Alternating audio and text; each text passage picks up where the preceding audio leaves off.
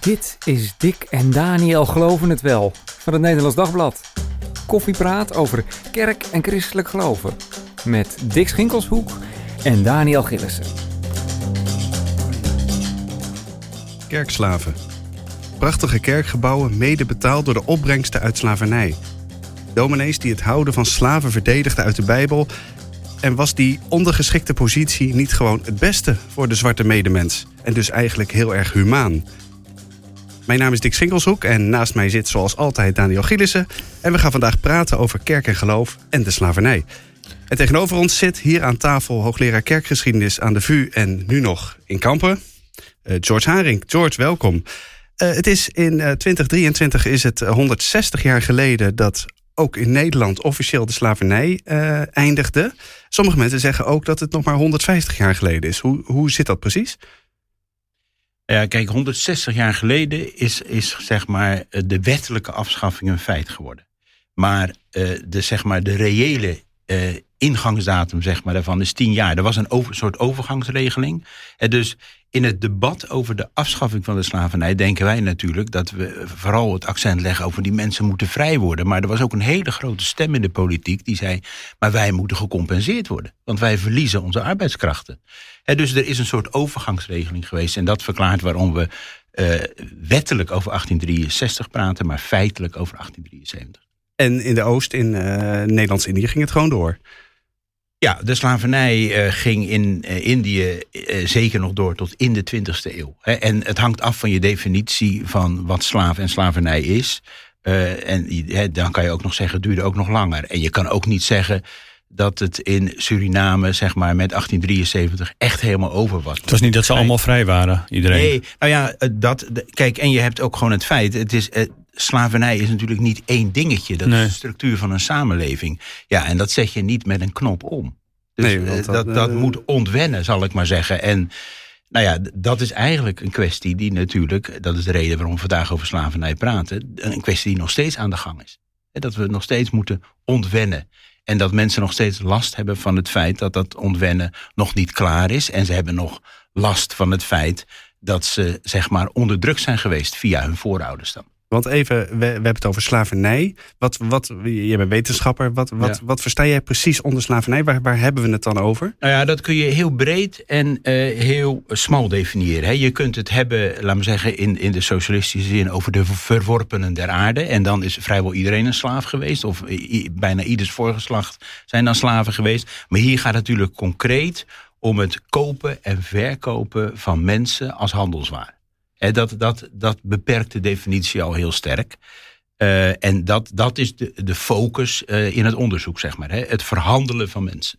Ja, precies. Dus uh, er werden, in Afrika werden slaven die werden opgehaald. Die werden daar verkocht en die werden in, dus in, in de West weer verkocht. En die, die moesten daar dan werken. Daar, dat is dan waar we het nu, ja, het nu over ja, hebben. Daar gaat het eigenlijk over. En inderdaad, de Atlantische slavenhandel, dat is waar de meeste mensen aan denken als het over slavernij gaat. En dat is niet verkeerd, maar er is natuurlijk veel meer slavernij geweest. En uh, de slavernij is ook niet alleen iets geweest van witte mensen die zwarte mensen vervoerden. Want die slaven die in Afrika werden gekocht, die waren eerst door andere zwarte mensen in Afrika gekocht en werden naar de kust vervoerd en doorverkocht.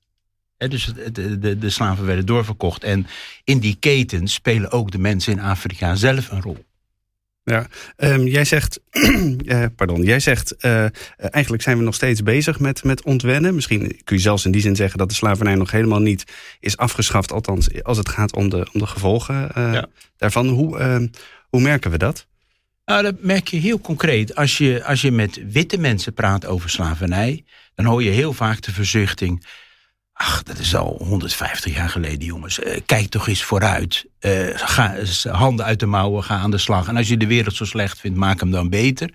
En ook uh, zeggen mensen vaak, ja, die slavernij van vroeger, maar er is vandaag kinderarbeid. Hè? Dat is ook een vorm van slavernij. Dus dat is heel ernstig. Dus gewoon in het dagelijks gesprek in de supermarkt merk je al dat als een zwarte erover zou beginnen, een witte zo zou reageren. Dus, um, en dat geeft voor die zwarte natuurlijk heel duidelijk aan, oké, mijn probleem wordt dus eigenlijk niet erkend. Het wordt weggestopt of het wordt uh, verplaatst uh, naar vroeger. Het gaat nu om, het heden. Dus uh, zeg maar dat trauma dat in de zwarte gemeenschap zit, wordt nog heel vaak genegeerd door de witte gemeenschap. Ik zeg niet dat dat uh, helemaal fout is van die witte gemeenschap. Want soms denk je dat natuurlijk ook wel eens, jongens, maak je werk niet van dat trauma, maar ga iets doen. Maar ja, een trauma is een trauma. En uh, goede antwoorden geven en goede gesprekken hebben met mensen die lijden onder de erfenis van de slavernij, begint toch met luisteren en niet met afweren. Ja, dus het blijft al gauw een onderschatting, zeg maar, voor wat het voor zwarte mensen is geweest en hoe dat trauma inderdaad generaties doorwerkt. Ja, ja, witte mensen hebben heel vaak een oordeel over de zwarte mensen op dit punt. Ze vinden dus heel vaak van jongens, jullie zeuren. Uh, en witte mensen vinden natuurlijk ook dat ze er niks mee te maken hebben. dat is, dat is de, de andere kant. Het is, het is een, iets van de zwarte. Ja. En net zoals we na de Tweede Wereldoorlog bij de dodenherdenkingen... had je ook dodenherdenkingen van Joden. Ja, dat deden de Joden. die deden ja, dat deden wij, wij niet aan mee, zeg maar. Dan als je zijn we ons gaan realiseren... oh, eh, is eigenlijk ook ons probleem. Nou, dat is eigenlijk de discussie die nu in de kerken gevoerd moet worden. Ehm, dat uh, mensen in de kerkbanken zich realiseren dat het niet een probleem is van Amsterdam, niet een probleem is van zwarte mensen, uh, maar dat het net zo goed hun probleem is. Ja, dus het gaat over het eigenaarschap van, van, van deze problematiek. Hoe ongemakkelijk is het om hier met drie witte mannen te zitten praten daarover? Ja, kijk, dat, dat is natuurlijk ongemakkelijk. Ja, dat is lastig. Kijk, heel, heel, dat, heel deze bezinning uh, op slavernij, heel de afschaffing van slavernij, is voor een heel groot deel het werk van, van witte mensen geweest. In, in de 19e eeuw. Omdat zwarte niks en er zijn natuurlijk, Er zijn ook slavenopstanden geweest, dus er is druk geweest zeg maar, vanuit de slaven. Ehm, maar het is toch eigenlijk het werk van witte mensen. En het onderzoek nu, wat ik nu aan het opzetten ben, ja, dat gebeurt aan de Vrije Universiteit en de Protestantse Theologische Universiteit. Mhm. Ja, toch eigenlijk witte universiteiten. Dus heel gauw kan het weer een koloniaal project worden. Het volgende. Ja, hoe voorkom je dat dan? Nou ja, dat voorkom je door dat te benoemen. Daar begint het mee. Uh, uh, van Horus, daar, daar, daar, daar zit een risico. Ja. En door dan zoveel mogelijk mensen uh, erbij te betrekken... die een andere achtergrond hebben dan wij aan de Vrije Universiteit of de PTAU. Ja. dus we werken ook samen met de Universiteit van Curaçao bijvoorbeeld. Ehm, maar je probeert ook vanuit het NINSE, het Instituut voor de Slavernijverleden... Uh, en de verwerking daarvan... Pro probeer je mensen erbij te betrekken...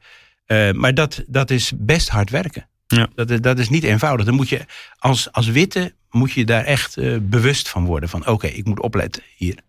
Nog even over die, ja. uh, wat heb ik ermee te maken, hè? Dat, ja. dat, dat gevoel.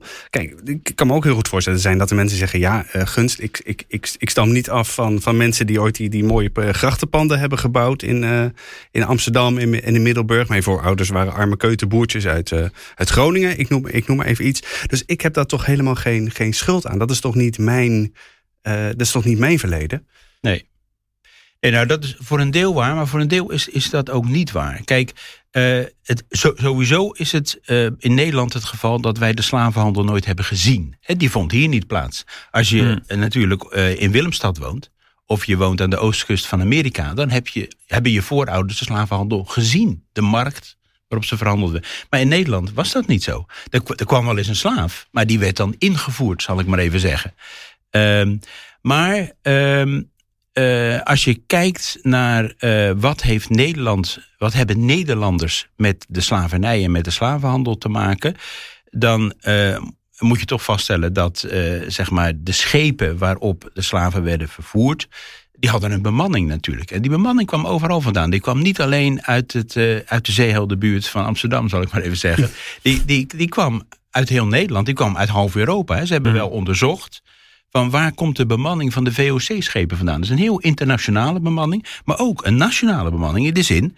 die komt uit Drenthe of die komt uit Groningen.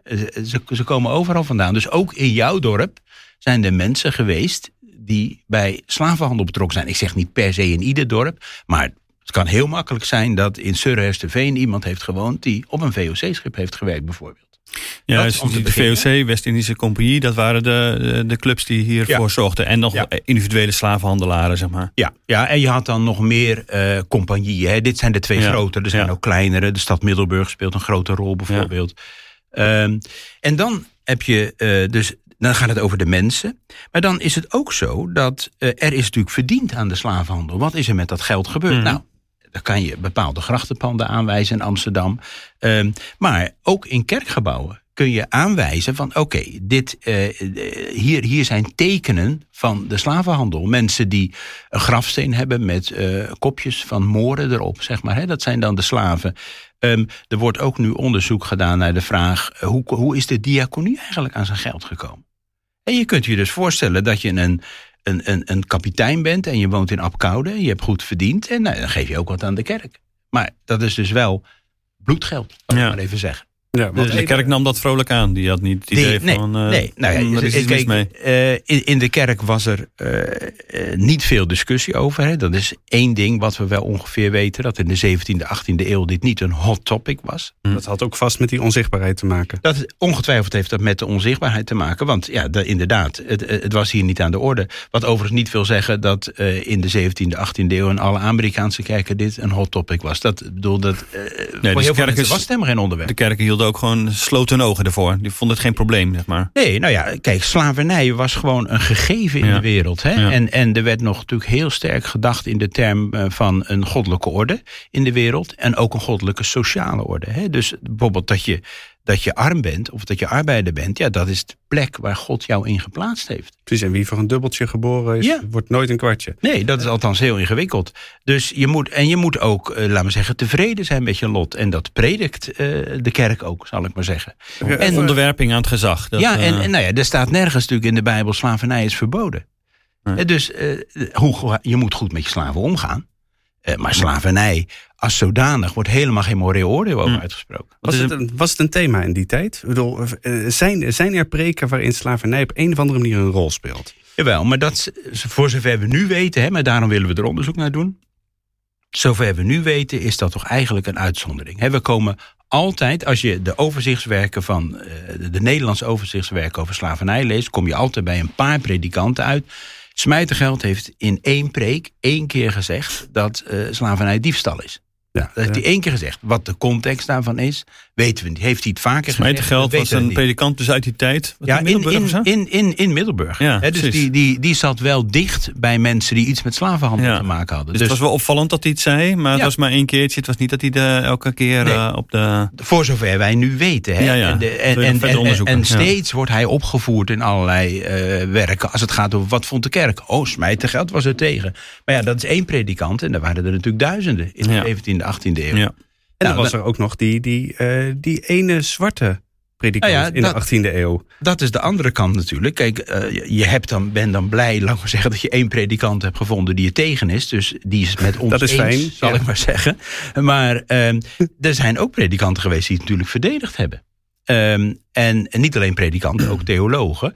En, en ja, het bekendste voorbeeld wat ook steeds weer wordt opgevoerd... dat is de theoloog Kaptein. Dat is een zwarte man uit Afrika...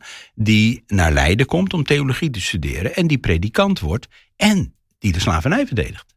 Ja, ja dat, dat, is, jammer. Hele, maar ja, dat, dat, dat, is heel jammer. Ja. Maar hij was zelf ook uh, weggevoerd uit Afrika. Als een soort uh, ja. als slaaf meegenomen. Ja, maar kennelijk is er iets in hem gezien. En is hij mee naar Leiden ge, getroond. En uh, heeft hij daar theologie gestudeerd. Ja, en, ja, ja, hij is op, hij is op elfjarige leeftijd naar, naar Nederland gekomen. Ja. Zo, als achtjarig jongetje in Ghana tijdens zo'n slavenraid is die, is die ontvoerd. Ja zeg maar, is hij meegenomen en komt dan in Nederland terecht. En heeft dan een enorme drang om in Afrika zending te gaan bedrijven. Waardoor een aantal predikanten ervoor zorgen dat hij in Leiden uh, het gaan studeren. Theologie kan gaan studeren. Ja. dat is natuurlijk fascinerend. En hij heeft ook inderdaad dat proefschrift uh, waar je het over hebt. Ja. En hij mag volgens mij ook nog een rondje rond preken uh, in, het, in het land waar hij bij die heel erg veel bekijks heeft. Dat is natuurlijk heel curieus, een zwarte dominee. ja, nee, dat, is, dat is duidelijk. Dat kennen ze natuurlijk helemaal niet. Nee. En, en, ja, en dan vertrekt hij inderdaad naar Afrika en daar overlijdt hij al met een paar jaar. Een beetje een tragische figuur als je dat zo... Uh, ja, dat zo beschouwt. Nou ja, zeker als je die afloop ziet. Ja, nee, dat is tragisch. Uh, kijk, je kan, uh, tot, totdat hij theologie gaat studeren en predikant wordt, is het natuurlijk allemaal een, zeg maar een mooi verhaal.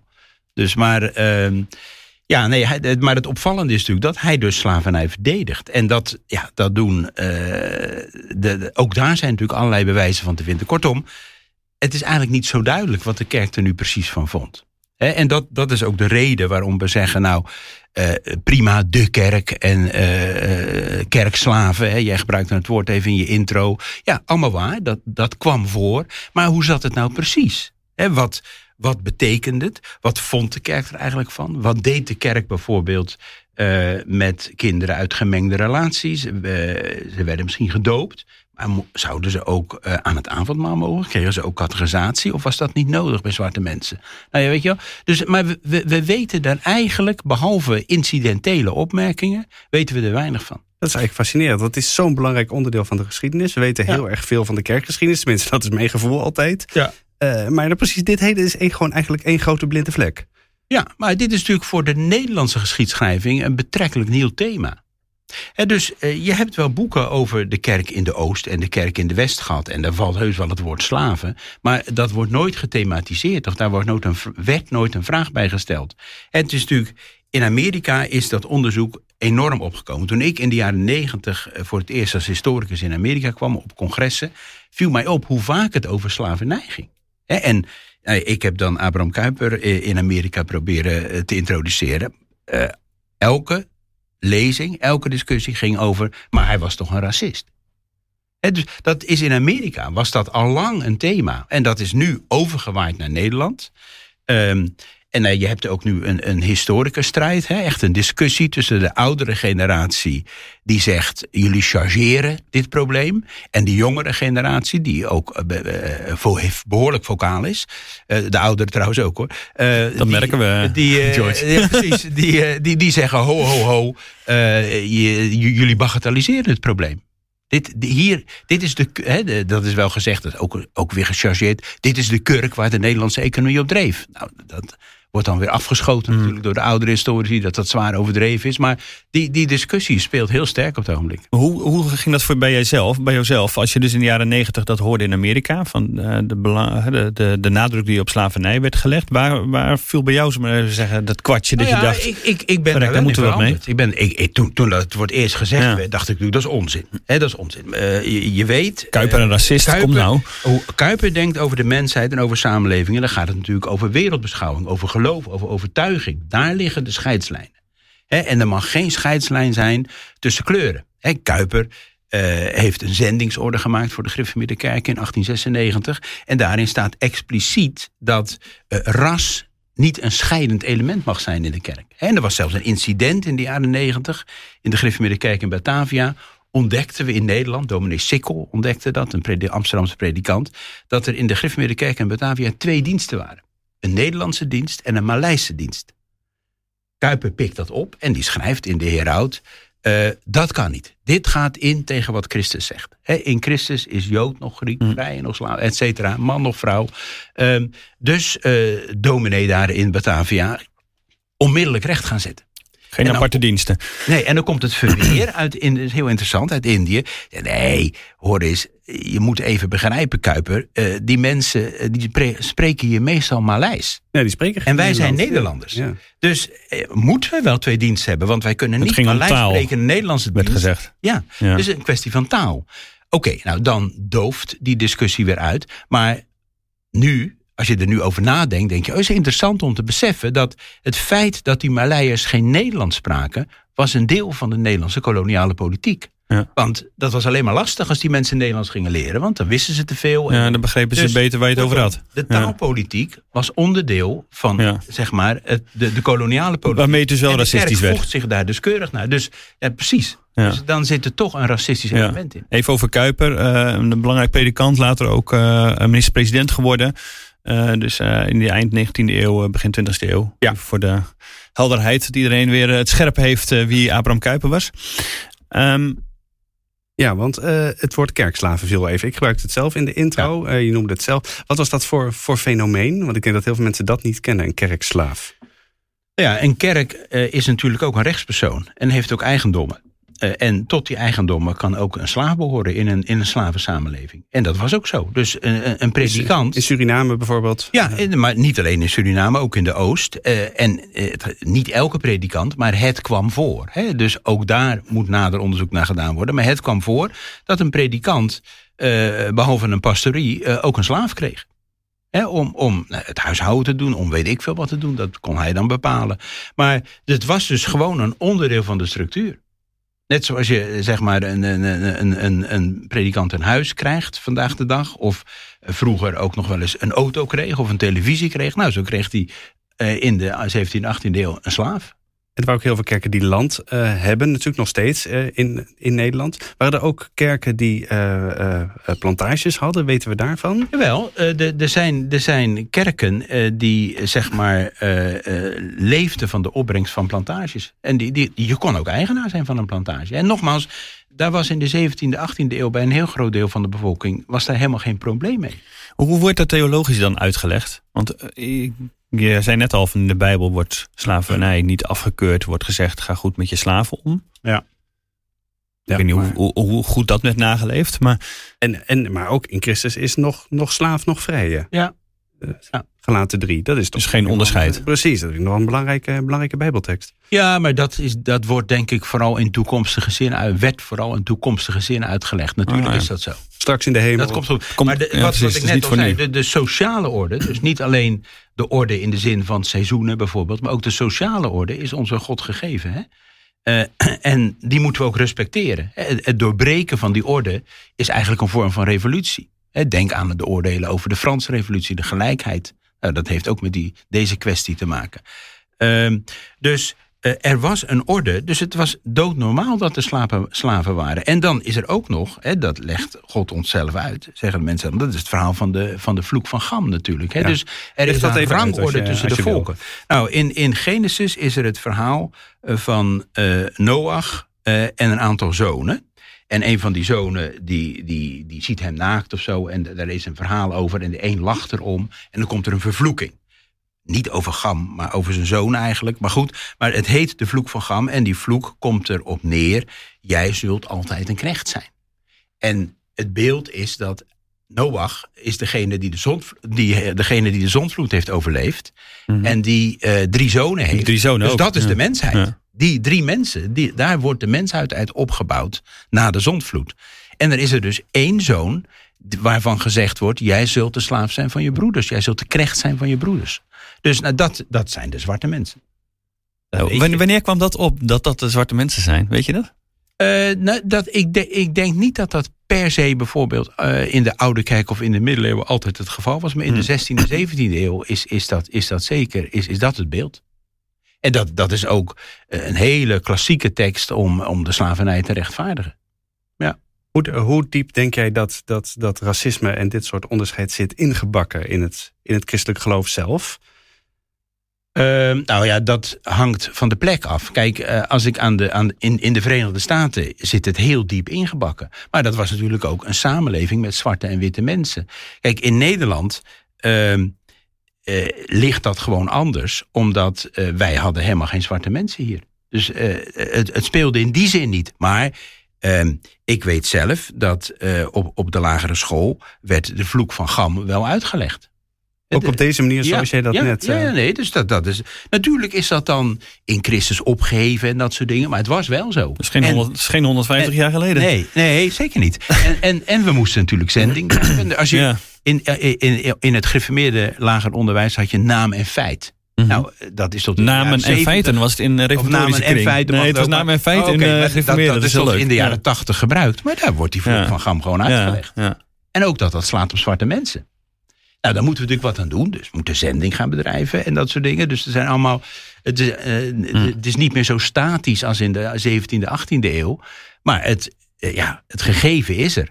En. Uh, ik, ik denk niet dat veel mensen dat vandaag hardop zouden zeggen. Maar het is evident, dat zit gewoon in de mens, dat je onderscheid maakt. En dat um, je, je weet van mensen die, laten we zeggen, van Aziatische afkomst zijn, uh, die willen het liefst wit zijn.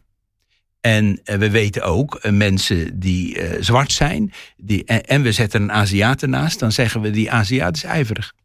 Dus er zijn allemaal categorieën in ons hoofd, die schablonen die we op individuele mensen plakken. En, en ook die groepen hebben nog steeds een soort rangorde. De, je kan toch maar het beste man en wit zijn. En hetero. Dat is ja. het hele, hele, probleem van deze samenleving. Zeggen ja. dus al die andere groepen ja. die zeggen van oké, okay, maar ik ben geen man of ik ben niet wit of wat dan ook. Ja. Dus ik heb niet mijn zeven vinkjes om met Joris Luijendijk nee. te spreken. Dus dan ben je gewoon de, de pisang. Ja. Ja, maar uh, wat voor rol kan geloof daar dan uh, in spelen? Ja, ik bedoel, je kunt ook heel makkelijk zeggen, ja, gelaten drie, hè, of dat een Christus man nog vrouw is en slaaf nog vrije, dat is allemaal eh, toekomstmuziek. Dat is allemaal de nieuwe hemel en de nieuwe aarde. Maar er zijn ook altijd volgens mij theologen geweest en, en, en gelovigen en dominees en, en iedereen die zei, ja, maar dat, dat heeft ook nu iets, uh, iets te zeggen. Zeker. Zeker. Kijk, of ze er altijd geweest zijn, dat weet ik niet precies. Maar ze zijn er in de 20e eeuw natuurlijk uh, bij bosjes geweest. En natuurlijk zijn we ook bezig met uh, bewustwording in de kerken. Maar uh, zoals die verklaring uh, uh, van onder andere PKN in 2013 al zegt, ja, dat gesprek moet beginnen. En eigenlijk moet het nog steeds beginnen. Hè? Dus ehm, wij, ik probeer nu, los van dat onderzoek waar, waar, ik mee bezig ben, ik probeer nu in, met name in de, de, de, de kleinere gereformeerde kerken, toch die bewustwording op gang te brengen. Door te proberen allerlei organisaties en mensen bewust te maken van het feit, jongens, uh, de herdenking komt eraan 1 juli volgend jaar. is een hele belangrijke datum, is een jubileumdatum. Uh, dan zouden wij als kerken eigenlijk ook iets van moeten vinden. En je merkt, dat begint nog steeds met afweren niet ons probleem, hè, waar we het al eerder over hebben. Ja, zo van dat is, was niet onze kerk, wij bestonden nog niet, uh, nee. weet ik veel wat allemaal. Ja, dat, is, dat, dat, is bij de meeste gereformeerde kerken een belangrijk argument. Wij bestonden nog niet. Nee, maar ze zeggen ook allemaal dat ze een voortzetting van van. Dus dan moeten ze ook even de consequenties dat, nemen. Jawel, en natuurlijk als het over Michiel de Ruiter gaat, dan is die natuurlijk een van ons. Die gereformeerde ja. predikant heeft bevrijd in Hongarije. En dan associëren, mm. verbinden we ons onmiddellijk met die man. Dus dan moeten we ons ook hiermee verbinden. Dus het is niet een heel ja. sterk argument, maar het argument is er wel. Ja. En een, uh, een andere belangrijke realiteit is natuurlijk dat veel kerkmensen eenvoudigweg nooit zwarte mensen tegenkomen. Mm. We zitten allemaal in witte kerken. Nog, nog steeds. Wat dat betreft is er sinds de 17e eeuw weinig veranderd. Is er weinig veranderd. Ik zit zelf in een kerk in Amersfoort. Nou, ik kan één, één of twee families noemen die een andere kleur hebben. Maar de rest uh, is... Uh, zeg maar wit en heel vaak familie van elkaar. En uh, komen allemaal uit Nederland. Uh, dus de kerk, heel, hè, dus als je zegt, uh, ja, maar in mijn kerk komt dat niet voor, dan is dat eigenlijk het probleem. Het komt in jouw kerk niet voor, wat vreemd. Uh, je vindt het prima dat er allerlei migrantenkerken zijn. Die zijn ingedeeld naar taal, maar toevalligerwijs ook naar kleur. Ja, dus er is uh, heel veel segregatie. Ja. Dus er is ontzettend veel segregatie in christelijk ja. Nederland. Maar wat, wat, wat kun je daaraan doen dan? Uh, en, en, nou, en, moet je er wel iets aan willen doen? Ja, ik, nou, snap, ik snap wel dat het een probleem is, maar... Nou ja, dus ik, ik, uh, ik ben geen activist hoor. Dus, maar ik vind wel dat we ons dat moeten realiseren. Het is niet toevallig dat ja, wij daar, in witte daar, daar kerken zitten. Mee. Ja. ja. Nou, ja, en dat is denk ik al heel moeilijk. Dat, uh, om dat op gang te krijgen, ik bedoel, als ik nu aan Katie Coty denk volgend jaar, denk nou, dat, dat zou heel mooi zijn als hier en daar in kerken dat besef zou gaan doordringen. En Herdenking van de afschaffing ja, van de slavernij, ja, ook ja. dat is nog niet bij iedereen bekend. Nee, nee. Coty is natuurlijk de, de Surinaamse term daarvoor, ja. 1863. Um, de, het verbreken van de ketenen. Um, maar uh, in de kerken is dat natuurlijk nog niet ingetaald. Dus ik, wij proberen nu ook predikanten te bereiken. Dat begint met predikanten in, laten we zeggen, in de slavensteden, dus Amsterdam en Middelburg bijvoorbeeld. Uh, proberen we te praten. En die predikanten, als we daarmee praten, die, die herkennen wel uh, het probleem. Maar die be beseffen ook, oké, we hebben nog een lange weg te gaan voordat dat in onze gemeente is ingedaald. Nou, daar moet wel aan gewerkt worden. Heb je daar concrete handvatten voor nodig? Dat je inderdaad kan aanwijzen wat je zei. Dat je op graven kunt aanwijzen. Hier zijn tekenen dat inderdaad uh, nou ja, de, de, de afbeeldingen van de, van de zwarte mensen die, die, die ja. slaven waren. Of tot slaven gemaakt, zoals het tegenwoordig veel wordt gezegd. Ja. Uh, werden ja, aan de voeten van de, van, van de overledenen worden gepositioneerd. Nou ja, de, dat je dat soort een, dingen Een van laat de zien. dingen is, je, je hebt in Amsterdam een, een soort wandeling waar je zeg maar alle materiële blijken van slavernij kunt zien, af, ja. of een aantal. Ja. Nou, zo'n map, zo'n kaart willen we ook maken eigenlijk voor heel Nederland. Dat je zegt, nou, Hm. jij, jij woont hier in Oosterhesselen, ga eens naar de kerk en kijk daar en daar eens. En dus dan, dan zie je dat het ook in jouw kerk aanwezig is. Kun je een paar, een paar van dat soort voorbeelden noemen? Nou, eh, ik denk nu vooral aan, aan grafstenen. Hè, dus Mhm. daar, daar, daar, daar kun je het op zien.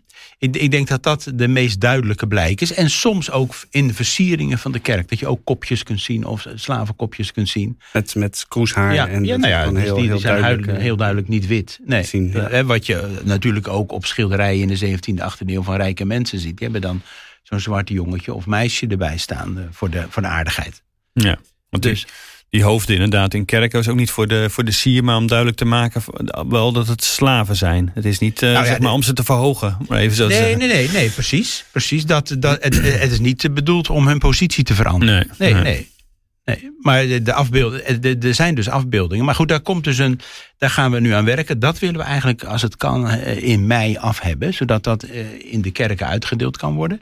Uh, wat er ook komt is een, een reizende tentoonstelling over kerk en slavernij. Die gaat dus langs, die kan je als gemeente bestellen, zal ik maar zeggen. En dan ja, wie, uh, wie, een paar weken. Wie maakt die? Waar kun je daarvoor als uh, die, Dat gebeurt er, die zijn in ieder geval heel actief in Dorothea Notch. En die, die, die is er al. Hij heeft ook een postje op de vuur gehangen. En die, die kun je gewoon via de PKN kun je die aanvragen. En die, die komt bij, dan naar jou toe. Je hoeft je geen, geen protestantse gemeente voor te, voor te zijn. Dat denk ik niet. Ik, nee, ik, ik, ik weet de spelregels niet precies van de PKM, maar mm. dat lijkt me stug. Ja. Ja, en op die manier om echt duidelijk te maken: jongens, het is echt iets van ons allemaal. We hebben daarmee te maken. We hebben ons ertoe te verhouden. Ja. En je ziet het op allerlei momenten natuurlijk uh, inderdaad het, terugkomen dat het relevant is in deze samenleving. Zie je het veel, maar in de kerk ook wel, maar nog eigenlijk, nou ja, dat er wat beperkt over gepraat wordt. We hadden vorige week met Sheldon Tellersford, uh, voorganger, zwarte voorganger in uh, Almere over. Die zei net, nou ja, het samenvoegen van, uh, of tenminste, dat hij, hij, begon als zwarte kerk, zeg maar. Hè, mensen in zijn eigen omgeving. En blij was dat er ook witte mensen kwamen en dat je probeert met elkaar kerk te zijn.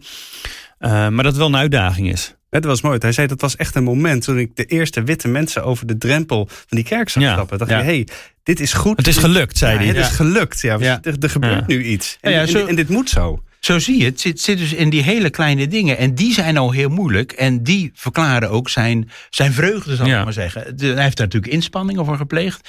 En dan lukt het inderdaad om er een paar over de drempel te krijgen. Maar ja, als je op zondag uh, rond zou kunnen kijken in de kerken... dan moet je vaststellen dat het natuurlijk gesegregeerd is. Ja, het is allemaal naar kleur uitge... En taal natuurlijk. Want taal blijft natuurlijk wel een, eh, een, een thema. Ik bedoel... Tuurlijk, dat, dat, dat is ingewikkeld. Dat is ingewikkeld. Hè? Dus um, je, je hebt hier natuurlijk een soort lingua franca met het Engels op het ogenblik.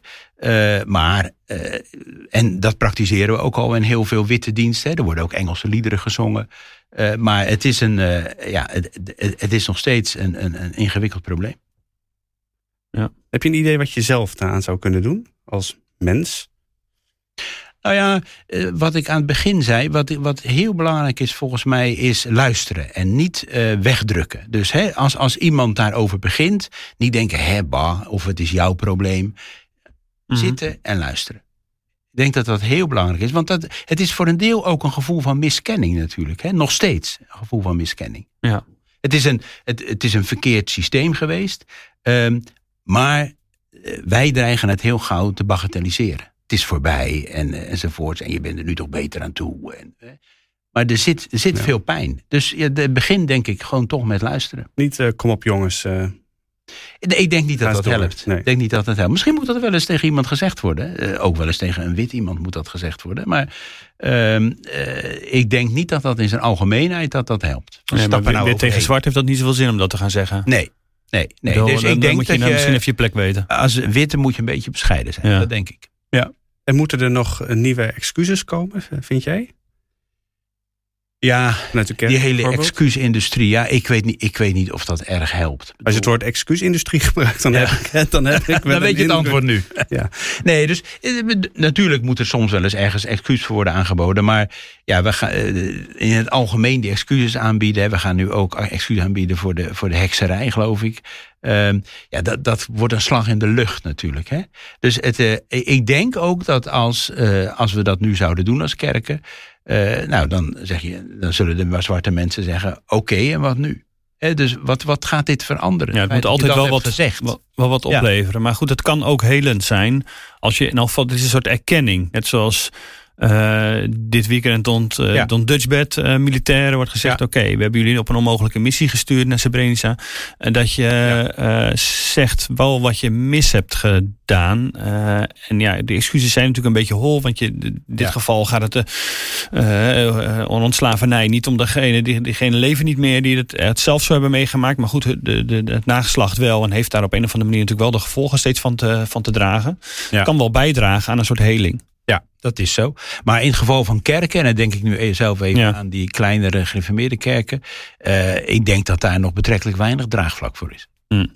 Dus ik kan me voorstellen dat een synode dat zegt, maar dat dan in de gemeente men zegt, nou, Het zal wel, maar uh, ja. ja. Ja. ja. want, je, uh, want het kan ook nog eens een stapje verder gaan natuurlijk, kan ik me voorstellen. Je, je, je bracht net even de protestantse diaconieën ter sprake. Als nou zou blijken, bedoel, daar zit, daar zit heel erg veel geld, uh, weten we nog steeds. Ja.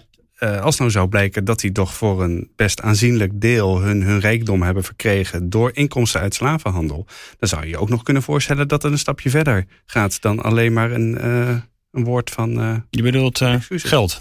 Ja, ik, ik, ik ja, nee, maar dat, dat, dat, is natuurlijk, dat is, daar, daar wordt heel vaak over gesproken. Hè, van woorden zijn niet genoeg. Er ja. moeten herstelbetalingen komen, er moet gerepareerd worden. Um, uh, en dat is natuurlijk ook in de discussie een heel gevoelig puntje, want dat irriteert aan de witte kant heel sterk. Oh, gaat het daarom? Ja, ja, ja precies. Dat ja. het weer niet, niet om, het nee. om, uh, om de erkenning gaat, maar om, om geld uiteindelijk. Ja. Ja, toch, maar toch zou het... Maar ja, het is allemaal onderdeel van elkaar natuurlijk. Precies, het, het hangt allemaal met elkaar samen. Ja. Want die wil tegelijk ook niet, ook niet dat het alleen bij woorden blijft. En zeker bij die protestantse diaconieën. Die kunnen natuurlijk eh, in hun beleid... En ik bedoel, een diaconie mm. is even voor de mensen die daar, die daar niet zo vertrouwd mee zijn... is in de protestantse uh, uh, zin... Is dat, is dat goed werk voor de, voor de samenleving. Voor mensen die dat nodig hebben. Dat zou iets kunnen betekenen voor hoe diaconieën hun geld ja. besteden. Deze, deze nou, ik denk, ik denk dat het concreet ook al wel werkt. Bijvoorbeeld in grote steden als Amsterdam is ja. dit heus wel op het netvlies bij de diaconie. Maar nogmaals, uh, dat is uh, in, in, uh, in Beestse Zwaag is dat natuurlijk minder op het netvlies. Ja. Ja. ja. En stel nou, ik zit in Beesterswaag in de, in de kerk, witte kerk daar. ik heb deze podcast geluisterd. Ik ben nogal geraakt door alles wat je hebt verteld. Wat kan ik nou doen dan als gewoon kerklid? Um, nou ja, je kunt, je kunt je erin zelf in verdiepen natuurlijk. Je kunt gaan lezen, maar je kunt ook eens kijken uh, in, je, in je dorp of in je stadje. Van uh, oké, okay, er zijn hier ook mensen van andere kleur. Laat ik, uh, laat ik eens kijken of ik daar contact mee kan krijgen. He, want het is toch heel vaak zo, het is ons kent ons. Mm. dat, zo werkt elke samenleving. Maar zet dat stapje eens en ga eens naar iemand toe waarvan je heel duidelijk ziet... die is hier waarschijnlijk niet geboren en getogen die zit dus op een hele andere manier in deze samenleving dan ik. Laat ik uh, hem eens groeten. Om, om te beginnen bij de Albert Heijn. En kan ik mijn kerk nog ergens uh, ja, nou ja, zetten? Ja, dat, uh, uh, je, daar kun je natuurlijk voor uitnodigen. Maar dat, dat is natuurlijk, de kerk heeft een behoorlijke drempel in onze samenleving. Dus dat, dat is denk ik niet het allereerste dat je hem in zo'n kerkdienst krijgt. Maar het contact leggen, het kerk zijn, hè, veel kerken willen ook kerk zijn voor hun buurt soort open huis zijn. Ja, precies. Dat bedoel daar ik daar, daar, daar ja. begint dat misschien mee. Gewoon de gastvrijheid. Het praatje. Ja. Het praatje, daar begint het mee. Ja. Dankjewel, George, dat je hier bij uh, Dick en Daniel Geloven het Wel wilde aanschuiven. Uh, en vond jij als luisteraar dit nou een, een, een goede en boeiende podcast? Uh, deel hem met je vrienden op sociale media. Geef hem sterren op Spotify. En uh, ja, steun dan ook het journalistieke werk van het Nederlands Dagblad, zou ik zeggen. Waardoor je deze gratis podcast kunt luisteren. Dat kan al voor 1,75 euro per week. Wil je alles lezen en terugluisteren wat wij maken? Kijk dan voor meer informatie op nd.nl slash abonnement. Dankjewel voor het luisteren en tot volgende week. Tot dan.